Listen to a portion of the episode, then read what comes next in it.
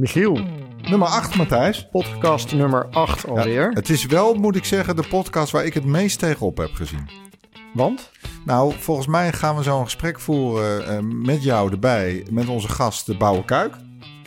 En ik weet niet beter als dat jullie samen in de kraamkamer bij IGNH zijn opgegroeid. Dus we moeten een beetje oppassen dat het geen oude jongens krentenbrood wordt. Hij is wel een klein beetje oud collega van mij. Ja, hè? dus Ja, ik ga ja, daar ja. Wat, wat strakker in zitten dan normaal. Want bouwen zit hier natuurlijk vanuit een hele andere rol. Ja.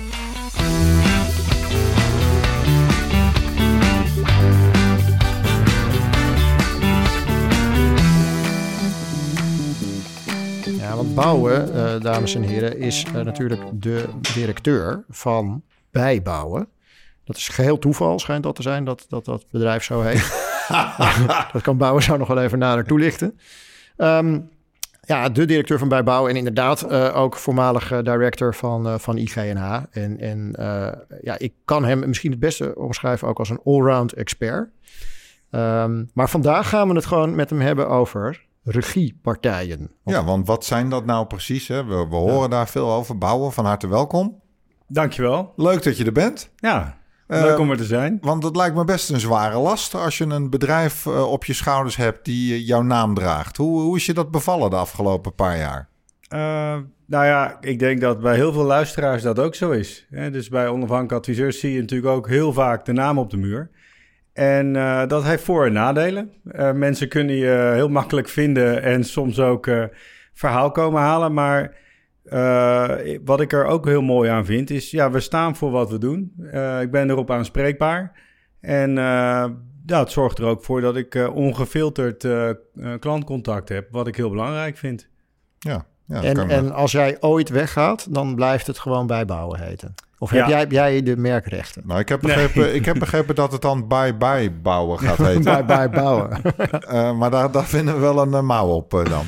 Ja, mooi. Hey, maar regiepartijen. Hè? Eh, ik denk dat bijna iedereen inmiddels wel weet wat daar ongeveer eh, eh, onder wordt verstaan. Je hebt het woord niet zelf bedacht, ik ook niet. Maar volgens mij komt dat wel uit de koker van ons oude clubje IGN. Wouter Walraven. Ik ben bang dat Wouter Walraven dat heeft Ja, bedacht. Ja. regiepartijen. Maar goed, wat, wat is nou eigenlijk een regiepartij? En vooral, wat is dan het businessmodel van een regiepartij? Laten we daar even mee beginnen. Nou, ehm, wij hebben niet zelf hypotheken op onze balans staan. Dus als je een bank hebt, die haalt spaargeld op en die heeft een balans en die leent ook weer geld uit, consumptief of aan eh, hypotheken of aan bedrijven.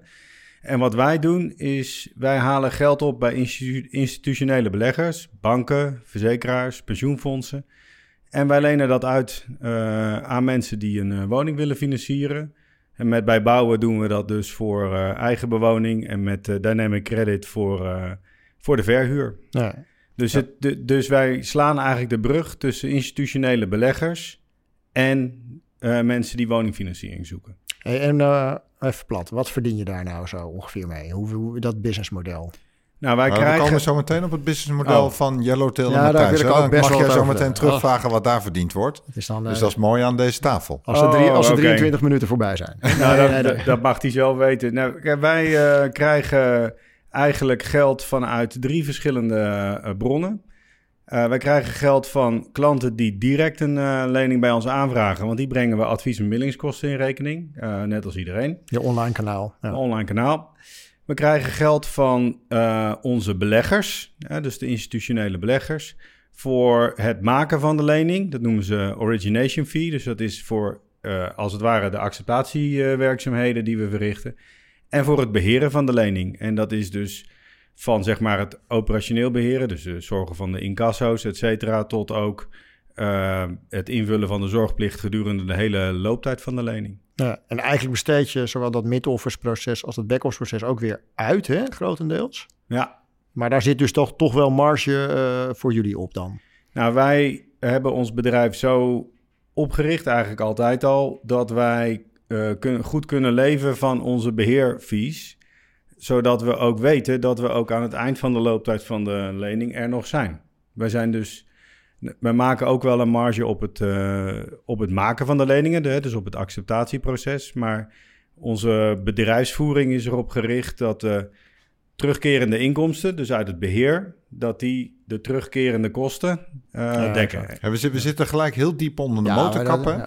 Ik, ik wil even helemaal terug, eh, zonder jou een veer in je reet te steken, bouwen. Maar als we even terugkijken, dan is bij bouwen eigenlijk al een gevestigde naam, hè, nu in de markt. Hoe lang, hoe lang bestaat de club? Ben je trots op waar je nu staat? Daar wil ik ook heel even nog op Ja, inzoomen. Ehm, we hebben vorige week onze lustrum gevierd. Dus toen waren we op 3 december waren we precies vijf jaar open. En eh, dat was natuurlijk een heel bijzonder moment. Ja, mo- mooie dag ook, 3 december. Dan is volgens mij Matthijs jarig. Nee hoor. Niet? Oh, oké. Eh, dus eh, we waren natuurlijk al wel iets eerder begonnen. Want het kost heel veel tijd om eh, het vertrouwen te winnen van eh, die beleggers. Ehm, en om de juiste vergunningen te hebben, de website te maken en alles eh, wat erbij hoort. Dus ik was eh, anderhalf jaar daarvoor eh, al met een team begonnen met de bouw. En nou, dus we zijn nu anderhalf jaar live. En met onze verhuurhypotheek zijn we, of zijn we, sorry, we zijn anderhalf, vijf jaar geleden Ja. bij bouwen. Ja. En anderhalf jaar geleden met onze verhuurhypotheek begonnen. In maart 2019. En heeft het je verbaasd dat je nu eigenlijk al tussen de gevestigde namen staat? Ik bedoel, niemand vraagt zich meer af wat bij bouwen is. En je bent er gewoon. Nou ja, je, je bent zelf ook ondernemer, Michiel. Eh, je begint er met een soort naïef optimisme aan. Ja. en, en allerlei verwachtingen. En die zijn eigenlijk allemaal niet uitgekomen. Het pakte allemaal heel anders uit dan we van tevoren dachten. Maar sommige dingen veel beter. En andere ja, hebben we gewoon ons enorm moeten aanpassen. Ehm, nou, wij, eigenlijk zijn we veel verder dan we toen hadden gedacht. Ja. Kan, wil je daar iets over vertellen? Eh, portefeuille, omvang, productie, marktaandeel, dat soort dingetjes? Nou ja, ehm, kijk, wat we hebben ge- gemerkt is dat de markt voor eh, regiepartijen eigenlijk veel groter is geworden dan, dan dat we ooit hadden voorspeld. Ik denk dat, ja, ik heb het niet helemaal bij de hand, maar ik, ik denk dat de afgelopen vijf jaar misschien wel 50 tot 60 miljard buiten bankbalansen om is uitgeleend op de hypotheekmarkt. Ja, dat is een gigantische versnelling van dat model, wat eigenlijk helemaal, ja, Ja. wat wij als eerste begonnen zijn. Ja. Dus, Ja, dan eh, je al bijna op 10% van de, alle uitstaande hypotheken Ja. zit al bij een regiepartij, zeg ja, je dan. ja, bijna wel. Maar jij zegt wat wij als eerste begonnen zijn. Eh, nou zitten wij met z'n drieën heel diep in die materie. Maar als hypotheekadviseur zou ik van de buitenkant denken... ja, maar munt was toch veel eerder? Nou, eh, het begon met dat wij benaderd werden door een verzekeraar. En met wij bedoel ik Dynamic Credit. En die zei, ja, ik wil eigenlijk wel in hypotheekleningen beleggen, maar niet via een bank, gewoon direct. En toen zijn we een samenwerking aangegaan vanuit Dynamic Credit met Hypotrust. En toen hebben we de Hypotrust goede start. Oh, oké. Ja, die was eigenlijk nog wat eerder dan munt. Ja, die was ja, eh, ja. acht maanden eerder. En, ehm, eh, en, maar dat ging zo krankzinnig hard. We, we hadden een mandaat van een paar honderd miljoen en dat was gewoon in tien weken op. En eh, toen hadden we echt zoiets oh, dit is, eh, dit is serieus. Hier, hier kunnen we veel meer uithalen. En ehm, vanuit Dynamic Credit zijn we toen op zoek gegaan naar, ehm, naar nieuwe beleggers. En zijn we vervolgens gestart met, met het maken van bijbouwen. Ja, oké. Hey, en waarom hebben jullie voor een, ehm, een, een eigen kanaal ook gekozen? Ik zie heel veel partijen dat niet doen. Die zeggen, ja, die interme- intermediaire markt, joh, die Nou, is zo ik geef groot. ze ook groot gelijk. Want het is eh, enorm ingewikkeld. Maar ik hou niet per se altijd van de makkelijkste route. En ehm, een direct kanaal heeft eigenlijk twee hele belangrijke strategische redenen. De eerste is, er gaat niks boven direct klantcontact. Ehm, daar leer je ongelooflijk veel van. En eh, ik vind dat heel waardevol voor mezelf, maar ook voor mijn team. Dat we rechtstreeks met klanten praten. Eh, het tweede is eh, dat wij eigenlijk ervan overtuigd zijn dat mensen hun hypotheek zouden moeten kunnen afsluiten zoals ze dat zelf willen. En er is een hele grote groep en die kiest ervoor om dat te doen met een onafhankelijk adviseur. En dat vind ik valide. Zijn we ook ja, trouwe fan van de onafhankelijk adviseurs. We doen veel zaken met eh, Van Brugge, maar met, met, met alle onafhankelijk adviseurs. Ehm, maar er is ook een groep die vindt het eh, wel prettig om dat zelf online rechtstreeks bij de bron te kunnen doen. En die willen wij ook bedienen. Eh, net zo goed als banken ook een eh, eigen kanaal hebben, zeg Ja. maar. Nou, wat, ik, wat ik heel mooi vind, hè, je hebt dat in de pers ook vaker gezegd, dat directe klantcontact, dat je dat wilde blijven ervaren. Ehm, w- wat, als je nou helemaal terug... Wat heeft je dat nou het, meeste opgeleverd? Ehm, nou, eigenlijk als je, eh, wat ik heel interessant vind, als je kijkt naar onze reviews, dan zeg maar als, als insider in de sector ben je trots op je voorwaarden of je bent trots op eh, dat je een mooie website hebt of dat je gave tool hebt gemaakt of wat dan ook. Maar waar, ga, waar, waar zijn klanten nou heel blij mee? Of heel boos over soms, maar bij ons gelukkig in overgrote mate heel blij mee. Dat is altijd menselijk contact. Uh, dan is het altijd, wauw, ik heb gesproken met Jack. Dat is een van de, onze adviseurs die er vanaf dag één al bij was. Dus die vind ik leuk om even te noemen. En wat heeft hij me goed geholpen? En, en ik, dat is een hele gezonde check om die elke keer weer te lezen en, elke, en ook te, te bellen ja. met klanten. Dat het daarom gaat. Contact maken. Uh, en dat alle dingen waar je zelf soms heel blij van wordt, een gave tool of wat dan ook, dat kan helpen. Maar dat is niet uiteindelijk waar het echt om gaat. Ja, nou, dat is een mooie boodschap. Ja. Hey, en, en wat ik nou even wel benieuwd naar ben, misschien ook voor de, voor de luisteraars. Hè? Wat, wat, jij hebt net gezegd, die regiepartijen, die markt is eigenlijk veel groter uh, nog dan we van tevoren hadden ingeschat, geworden. Ja. Uh, wat bepaalt nou uh, het succes van regiepartijen? Want jullie zijn niet de enige in de markt. Er zijn er nee. ook een heleboel bijgekomen na jullie nog. Hè? Ja. Eigenlijk best wel uh, druk. Nou, er zijn er ook heel veel die het niet gehaald hebben. Hè? Ja, dat ja, ja, hadden we daar ook even... Ja, ja. dat klopt. De podcast over de, alle partijen die het net niet gered hebben. Ja, ja. Dat is ook nog een leuk onderwerp. Maar neem even, zonder gekkigheid, uh, wat, wat, wat drijft nou die regiepartijen? Nou, uh, dat zijn institutionele beleggers, uh, pensioen, pensioenfondsen, banken, verzekeraars. En die zoeken eigenlijk uh, voor hun beleggingsmix onder andere naar een belegging in iets met relatief laag risico, maar wel een aanvaardbaar rendement ja. en een lange looptijd. En voor die combinatie gingen ze traditioneel altijd naar staatsleningen. Dus heel veel verzekeraars, pensioenfondsen, die hebben grote portefeuilles staatsleningen. En toen kwam de kredietcrisis. Nou ja, wat je ziet is dat het rendement op staatsleningen gewoon best wel naar beneden is gegaan. En ja, ondertussen überhaupt de op vastrentende beleggingen. En ondertussen uh, moeten die uh, uh, beleggers wel ergens hun rendement vandaan halen. En, ze, en zo zijn ze gaan kijken naar... kunnen hypotheken misschien daar niet een plek in krijgen in onze asset mix, in, in onze beleggingen? En, uh, want uh, Nederlandse woninghypotheken worden heel goed terugbetaald. Hè, dus, dus klanten zijn goed voor hun geld in Nederland. En ja, daar, dus het risiconiveau ja. lijkt bijna op dat van staatsleningen, is eigenlijk heel laag. Het rendement is daarmee uh, is wel een stuk hoger dan op staatsleningen. En je kan ook lange rentevaste periodes krijgen. Wat voor die beleggers interessant is als je aan de verplichtingen hebt in de pensioensfeer. Ja, en, en daarmee uh, heeft het voor pensioenfondsen in Nederland bijvoorbeeld een hele belangrijke plek gekregen in de asset mix. Ja. En, en, zie je dat ooit nog? En ik vind dat overigens ook niet alleen voor bij bouwen hoor, maar voor Nederland een goede zaak. Dat ons pensioengeld aan het werk is in Nederland. Nou, daar heb jij ook altijd over uitgesproken. Ja. Je vond dat pensioenfondsen dat ook moesten doen. Ja. Zie je dat ooit nog veranderen? Stel dat het rendement op staatsleningen straks fors omhoog gaat. Uh, loop je dan niet het risico dat uh, beleggers zeggen... nou ja, het was een leuk een aantal jaren op de hypotheekmarkt... maar ik ben er wel klaar mee? Nou, dat kan. Um, maar het is in ieder geval zo dat... Uh, en dat geldt voor alle regiepartijen, niet alleen voor ons hoor. Want daar, um, dat we hebben geleerd van, laten we zeggen... uitgeleiders in het verleden in de markt. Um, dus al zouden ze dat doen, dan zou dat voor onze nieuwe hypotheken uh, niet zo fijn zijn. Want dan kun je geen nieuwe hypotheken meer verstrekken, want dan krijg je dan misschien geen funding voor.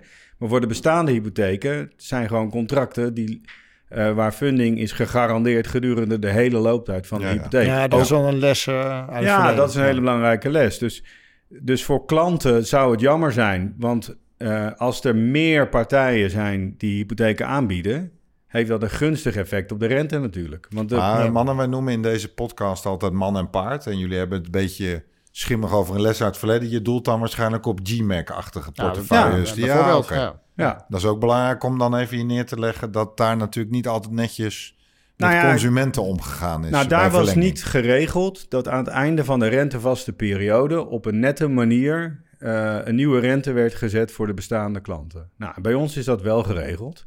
Ehm, en daar is aan de ene kant eensporig rentebeleid dat daarvoor zorgt, maar aan de andere kant ook de contracten die, die we hebben met onze beleggers, die ons het mandaat geven om die rente te bepalen.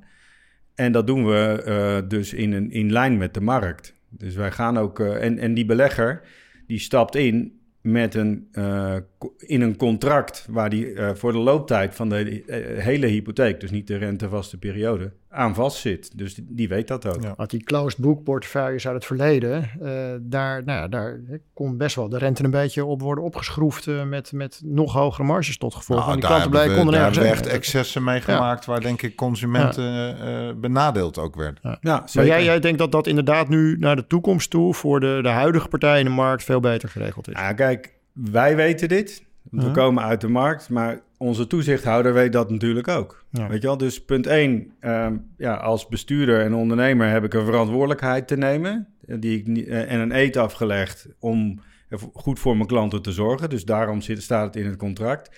Maar ik had ook nooit een, eh, of ik, Dynamic Credit had nooit een vergunning kunnen krijgen natuurlijk, als we dit ook niet hadden geborgd. Niet, want hadden ik kan je voorstellen dat toen wij in 2014 met de AFM erover in gesprek gingen, dat dat een van de eerste onderwerpen, nog voor we in de koffie aan het roeren waren, hadden ze al hoe bescherm je je klanten tegen sommige toestanden. Ja. Nou, dus even terug naar die, eh, naar die ehm, pensioenfondsen. Hè?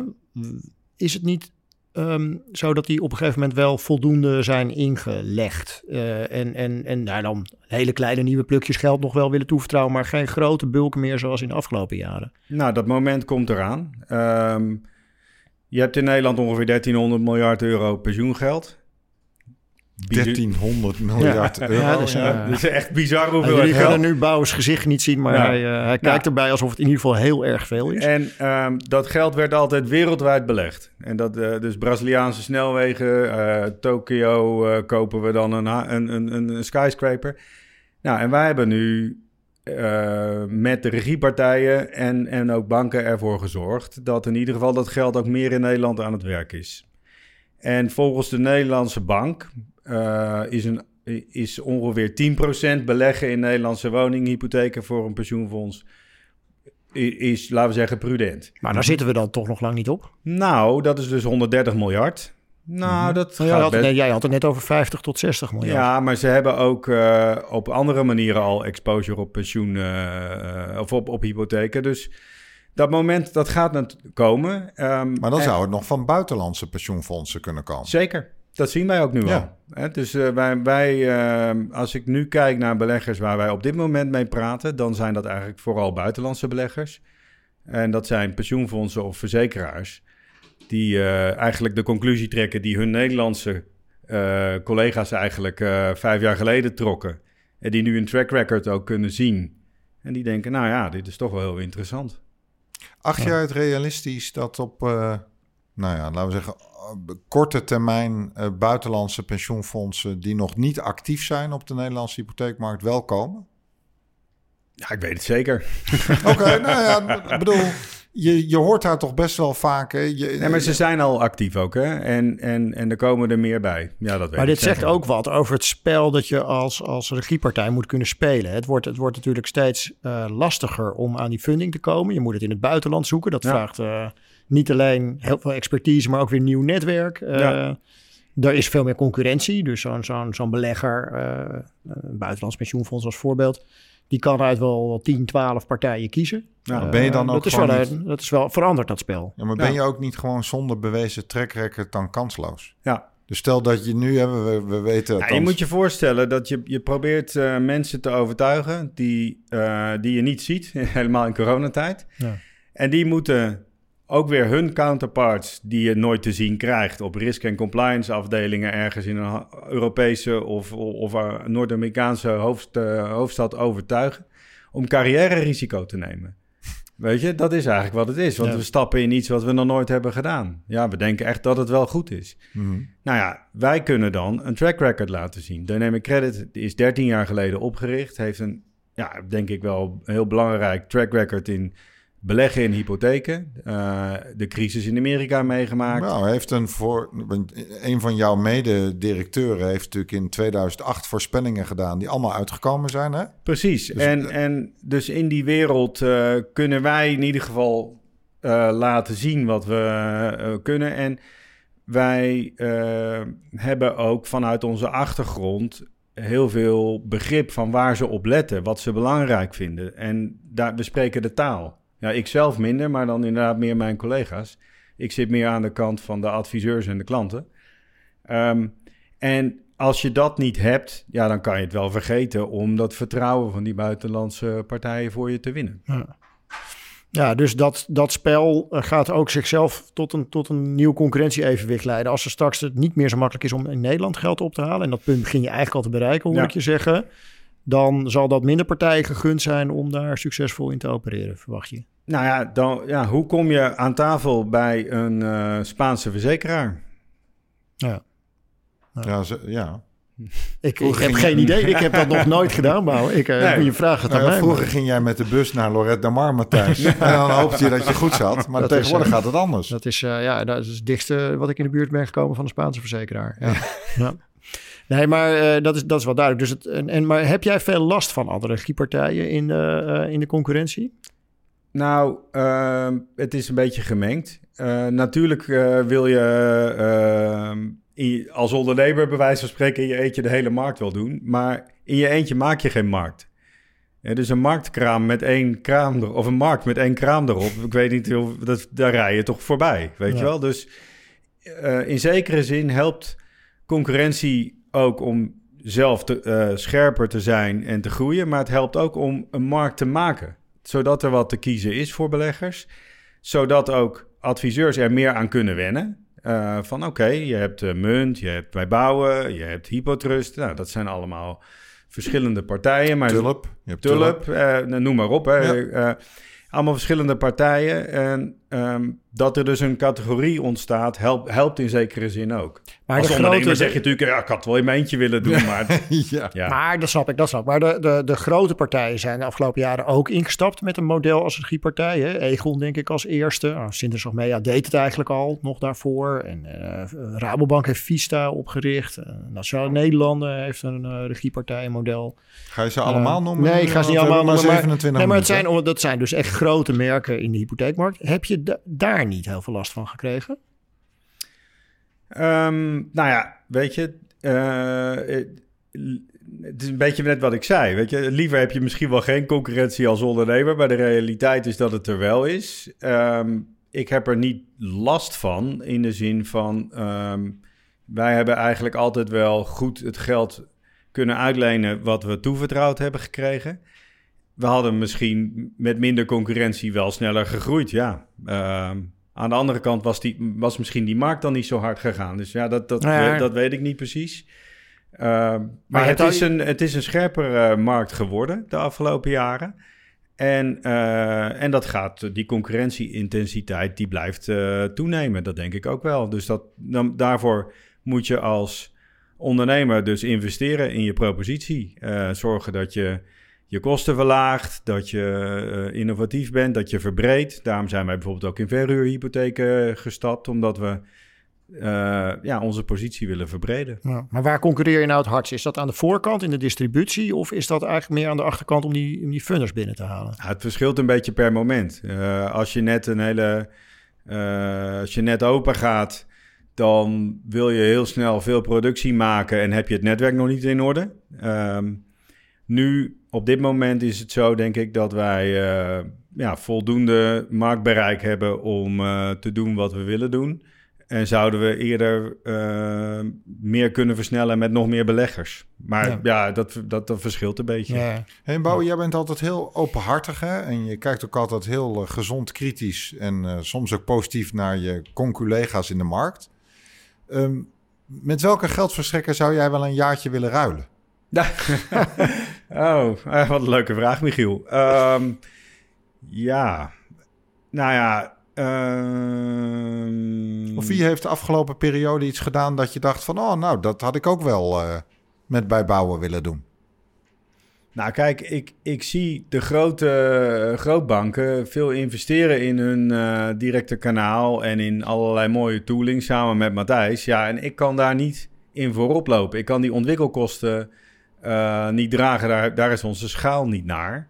Nee, we, we kennen de, de marges bij Matthijs, dus ik kan me voorstellen dat je die niet kan betalen. Nee. Dus, en ik, ik, eh, dus, dus daar kijk ik nog wel eens jaloers naar vanuit, eh, vanuit mijn relatief bescheiden positie. Maar no- noem dan eens iemand, als jij zegt van nou, ik, ik zou best een jaartje op de stoel willen zitten van... Nou ja, je hebt eh, bijvoorbeeld Claire op bezoek gehad, weet je wel. Die heeft denk ik een hartstikke mooie rol, ook met meerdere merken. Eh, en eh, ABN AMRO, ja. ja, ja. de- de- maar ja, ik, ik- aan de andere kant, als je zo'n grote, zo'n grote jongen bent, dan kan je ook niet doen wat wij, nou, net toen ik hier naartoe kwam, hebben gedaan. Namelijk onze hele agenda omgegooid, omdat we met een nieuw project beginnen. Ja. En dat, is, dat gaan we over een paar maanden lanceren. Ja, je dan. wendbaarheid is toch wel wat, eh, wat groter. En, en, ja, Ja, wendbaarheid, impact. Ik ken iedereen die bij ons werkt. En dat vind ik ook hartstikke leuk. Dus die schaal bevalt me eigenlijk ook wel. ja, en jij bent ook beperkt geïnteresseerd in politiek. Eh, dat, nou, ik vind het veel leuker partijen, om, om waarde toe te voegen. eh, en om, om te ondernemen en eh, te kijken hoe je, hoe je kan verbeteren. Ja. En hoe, hoe bewaak je dat? Want jij bent eh, nou, afgelopen jaar natuurlijk enorm gegroeid. Impact in de markt wordt groter. Stel je trekt de buitenlandse beleggers eh, nog eens aan. Hoe bewaak je dan die ondernemerskracht die bij jullie zit en die laagdrempeligheid? Nou, één ding hadden we van tevoren al bedacht en hebben we ons ook altijd wel aangehouden. Is we willen zo klein blijven als dat het kan. Hè, dus dat betekent dat we eh, groeien in assets under management, groeien in het aantal klanten wat we hebben kunnen bedienen, groeien in, het, eh, in, in hypotheken. Maar dat ons team eigenlijk eh, eh, lang, zeker niet proportioneel meegroeit. En als je een klein team hebt met kritische, ondernemende, ambitieuze mensen, dan, lukt het je niet eens om naast je schoenen te lopen, want dan word je direct even aangevreven. Ja. Het tweede is, eh, we hebben, ik heb ook heel veel contacten, dat vind ik, stel ik enorm op prijs, met mensen in de markt, zoals, eh, zoals jullie, maar ook anderen. Eh, en die zorgen ook wel dat, dat als er iets niet lekker loopt of als er ja, dingen zijn die echt beter kunnen, dat je dat ongezouten hoort. En dat, ja, dat houdt je ook wel op de grond, zeg maar. Ja. En wat zijn nou nog de plannen die jullie hebben voor de komende jaren? Nou ja, ik weet niet. kijk, een van de dingen waar wij naar kijken is... we hebben een mooie positie eh, in eh, de Nederlandse hypotheekmarkt nu... voor eh, eigen bewoning en voor verhuur, maar dan voor consumenten. Nou, misschien zouden we, zou een logische volgende stap wel kunnen zijn... om dat ook voor, voor professionals Hmm. mogelijk te maken. Ik denk dat de particuliere verhuurmarkt in Nederland... verder gaat groeien, ondanks wat... eh, Ondanks alle ontmoediging. Ja, joh, man. Die belastingmaatregelen die gaan niet helpen. Dat Nee, is het enige wat, echt- ja, als je het mij vraagt, bouwen, het enige wat echt gaat helpen is eh 300.000 woningen erbij. Ja. Ja. Dus dat, dat, eh, dat is waar de essentie zit. En dat zijn allemaal Dat is bijbouwen. Bij, bij bouwen. Ja. Ja. dat is het enige wat echt helpt. En eh, starters meer laten lenen. En, en nou, al- dat helpt allemaal niet. En, Nee, want daar heb jij ook heel prominent op gereageerd eh, via social media en alle andere kanalen. Hè? ja, Dat je dat een onzinnig... nou, ik, Initiatief ja, ik, ja, echt heel erg. Want wat, de, wat mensen... eh, kijk, ik denk dat adviseurs dat als geen ander weten. De prijs van, de, van woningen wordt natuurlijk heel erg bepaald door leencapaciteit. En helemaal in een markt waar vraag en aanbod niet in evenwicht zijn. Er is meer vraag dan aanbod. Als je dan mensen meer laat lenen, ja, krijg je duurdere huizen. Ja. ja, ja.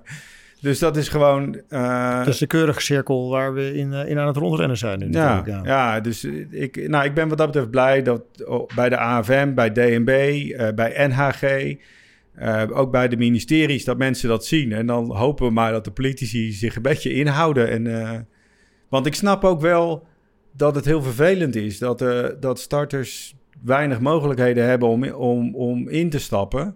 Zeker hier in Amsterdam. Maar ja, ja, ik denk dat je in het centrum van Londen of Frankfurt ook, en Parijs... dat je ook heel weinig starters ziet. Dus dat is ook een beetje een realiteit.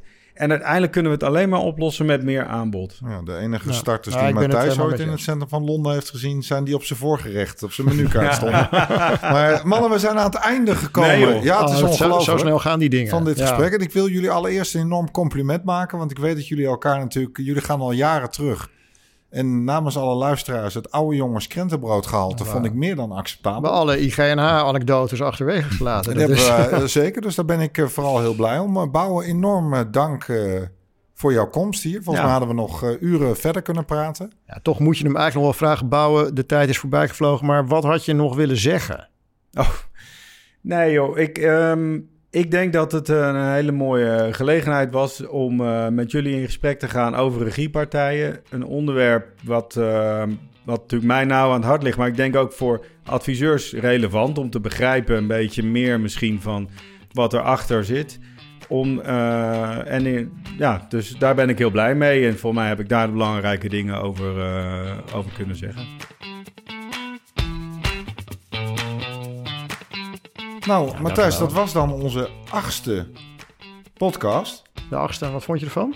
Ja, ik vond het erg leuk. Ik, ik had er wel een beetje tegenop gezien, want ik dacht van ja, die, die studentenverhalen IGNH uit de jaren negentig, dat staat wel heel ver van Ja. me af. Nou, wij kunnen overal eh, over losgaan, maar we hebben het vandaag eh, zakelijk gehouden. Ja, en wat ik heel erg leuk vind is dat hoe je bouwen op een podium of bij de AFM of nou, in dit geval eh, bij Van Brugge Adviesgroep eh, eh, meemaakt, dat hij ook zo hier aan tafel zat. Daar heb ik van genoten. Maar je kan zien ook dat hij tegen middelbare leeftijd aan begint te komen, want hij begint ook genuanceerder te worden.